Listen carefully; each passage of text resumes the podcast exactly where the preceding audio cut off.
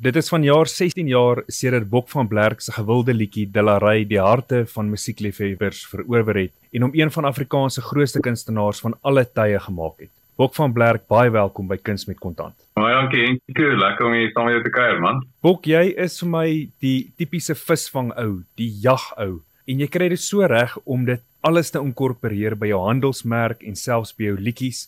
En wat ek daarmee bedoel is, niks van dit is gekunsteld nie. Dis alles autentiek en dit is nie net vir bemarking doeleindes nie. Hoe kry jy dit reg? Want daar is soveel ander ouens wat suiwer dit net doen vir bemarking. Ja, Henku, ek het vroeg in my loopbaan besef en agtergekom het dit vir my belangrik om eerlik te wees. Toe ek in die mark ingekom het, het dit vir my so gevoel daar's so baie plastiek rondom dit is en mense goed fabriseer om iets te skep wat daar nie eintlik is nie en was baie valsheid vir my gewees. En dit was vir my baie belangrik om van die begin af net eerlik en opreg te wees en wees wie ek is. En ek weet mense sal kan aanklank vind daarbey dit is wie ek is. Toe ons begin het um, met die proses om om albei met mekaar te sit en ek is nog altyd baie lief vir musiek en die kunste van kleins af en om mense te entertain as ek die Engelse woord kan gebruik.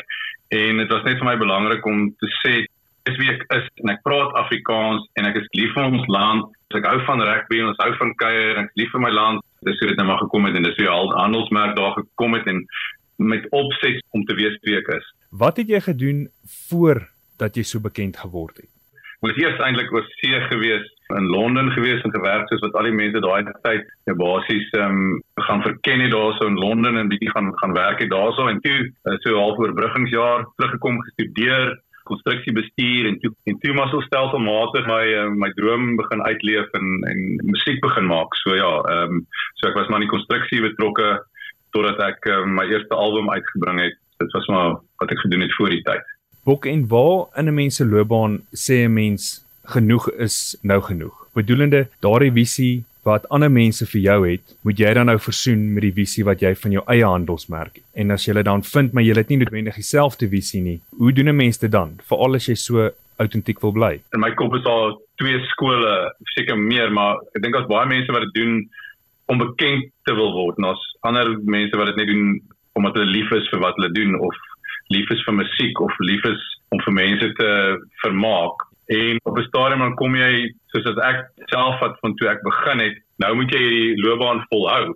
En ek het dit obviously nie gedoen om bekend te word nie, maar as jy eers daar is en jy moet dit volhou, dan kry jy jouself in 'n snaakse situasie waar jy moet natuurlik vir die mense gee wat hulle wil hê. Jy wil nog steeds oorspronklik by jy wil doen waarvoor jy lief is en jy het nou 'n loopbaan gebou en jy moet aangaan en daar's mense wat jy moet tevrede stel in die, in jou record company en mense daar buite en jouself. Jy het jouself nou uit jou konstruksieloopbaan uitgekry. Jy moet 'n loopbaan bou en jy moet 'n lewe bou en en later van tyd moet jy vir vrou en kinders sorg. So jy kry jouself in 'n penarie later dat jy seker goeders moet doen wat jy nie miskien noodwendig sou gedoen het as jy dit net vir die lekker sou gedoen het nie. So dit verander ewe skielik in 'n loopbaan en in besigheidsbesluite en goeders wat nie altyd so lekker saam met die kunste loop nie. Jou trefferliedjie koue voete, warm liefde, finansiëel gewys in jou lewe, waar het jy al koue ervaar, maar terselfdertyd ook warm liefde ervaar? Bedoelende goed wat jy nie vir jou sak kon gedoen het, maar eerder vir die hart daar agter.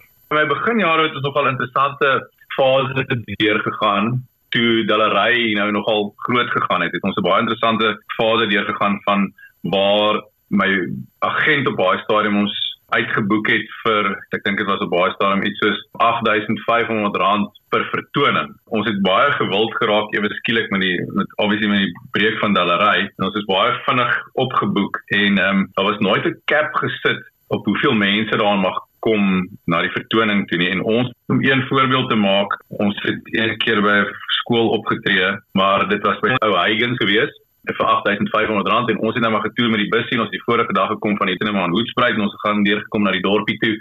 Met die klankstelsel wat vir 200 mense sal genoeg saam wees in jou Huygens kom by jou Huygens aan. Nee hulle dit is nie meer in jou Huygens nie. Hulle ons nie net weet nie hulle het dit geskuif na die stadsaal toe. Maar toe dit ook uitverkoop in die stadsaal 800 mense. Hulle toe geskuif na die skool se rugbyveld toe. En toe raas na die rugbyveld toe. Ons by die rugbyveld aankom toe is daar reeds 4200 mense wat wag op die veld vir ons nog voordat ons die klank opgestel het en die soundcheck gedoen het. En soos jy inry by die hek, is daar 'n um, T-shirts en koffiebekers geprint met jou jou naam en jou gesig op wat hulle alreeds verkoop. Ons moet klank verskaf vir hierdie mense en hulle verwag nog 2 tot 3000 mense die aand. En ons klank is net genoegsaam vir 200 mense in jou Huygens.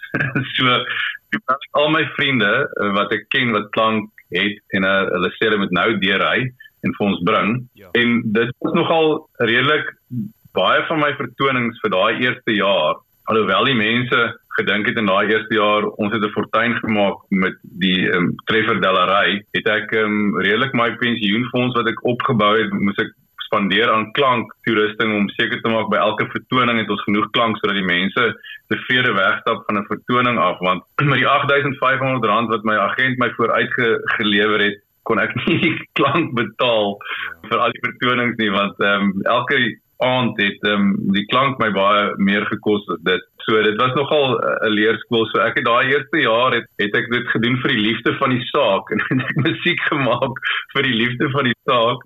Dit was 'n interessante dag. Jou treffer die kaplyn is definitief 'n ander liedjie wat baie groot aanklank gevind het en ek glo veral onder ons mans luisteraars want die kaplyn was 'n skoongemaakte grens daar tussen die ou Suidwes-Afrika en Angola en ek het al menigte mans gesien huil terwyl jy die kaplyn sing. Is daar ook 'n kaplyn om jou geld as dit by die bestuur van jou persoonlike geld sake kom of is jy nog 'n ou wat hier en daar 'n emosionele besluit kan neem?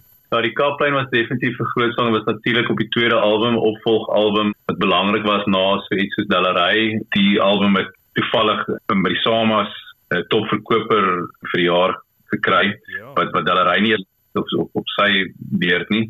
Ek het van kleins af het ek nogal ek was 'n klein entrepreneur as ek vir so 'n bietjie agtergrond kan gee. My groot word daar daar op die plaas. Toe my pa vir my eerste fiets het was dit so 'n bommerfiets geweest. Toe ek nou gedink hoe ek nou weet 'n geldjie kan maak toe ek nou kleiner was. Toe ek um, in die Marasos van skool af kom het ek my ma gevra as ek met haar verby Gatties ry, dan gaan koop ek 'n boks roomhuise.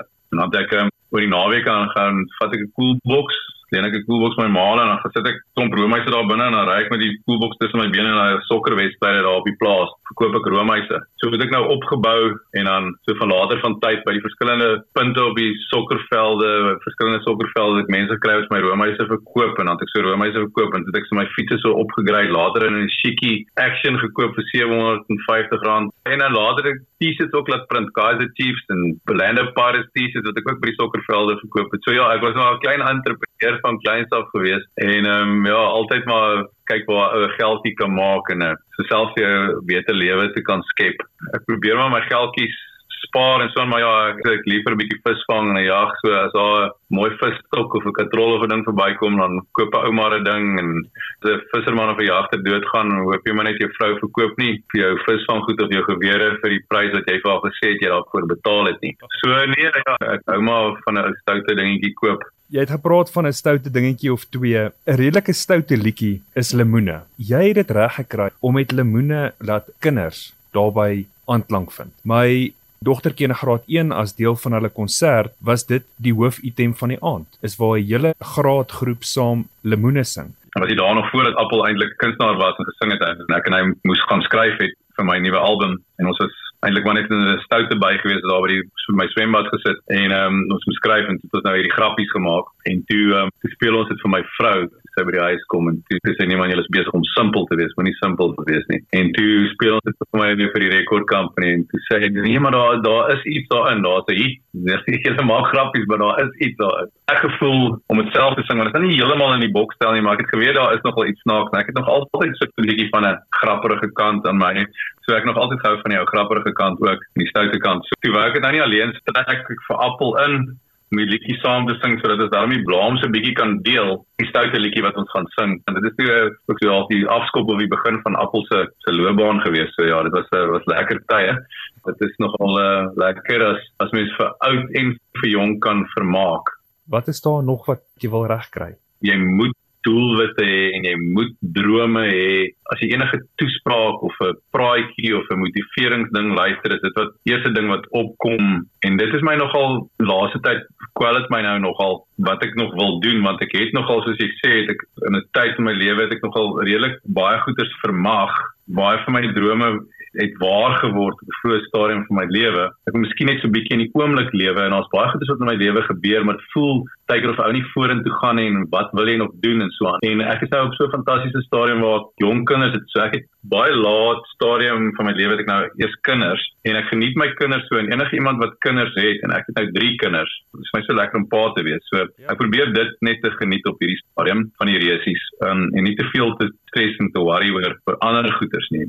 So op hierdie stadium ek dink ek het ook so 'n bietjie introspeksie gevat oor die laaste 2 jaar en wat belangrik is en waaroor die lewe gaan en so aan. So ek so 'n bietjie op 'n stadium waar ek net so 'n bietjie terugsit en kyk wat gebeur en en sien waar waar die Here my gaan vat en wat die nuwe journey is. Ons het so baie veranderinge in die laaste tyd deurgegaan. Ek was vir meeste van my lewe in Pretoria gebly. Ek het 4 jaar in Belito gebly en die Here het my nou hier na die Kaap toe gelei en ek sien Stellenbosch nou al vir 'n jaar. Tyd gaan so vinnig verby. So ek ek op die oomblik werk ek aan 'n aan 'n aan 'n fees in Botswana wat wat nou net op my op my agenda en op my brein is die laaste paar maande. Dit is my baie uitdagend en lekker is nou alhoewel ek al by baie feeste opgetree het, het ek nou nog nie beskiklik baie feeste gereël nie, maar hierdie is nogal iets spesiaals. Dit is 'n is 'n fees daar op die panne, Magadi Gadi soutpanne daar in Botswana in die middel van nêrens wat nog vir my baie lekker is en uitdagend is.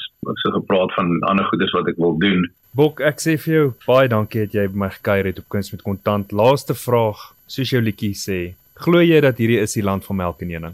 Ek dink dit is definitief. Ek kan nie um, myself sien op 'n ander plek bly nie. So elke nou en dan as jy in die bed lê of as 'n load shedding is weer oor 10 minute, dan oorweeg jy jou opsies, maar ek kan myself nie op 'n ander plek sien nie. Partykeer gaan dit deur jou kop, maar ek dink ons het, ons is baie geseënd en ons het baie bevoordeel hierso en ons het eintlik fantastiese land waar ons bly. Ek gaan definitief nie uh, my musiek elders anders kan gaan doen nie. Uh, ek gaan nie kan Afrikaans gaan sing elders anders nie.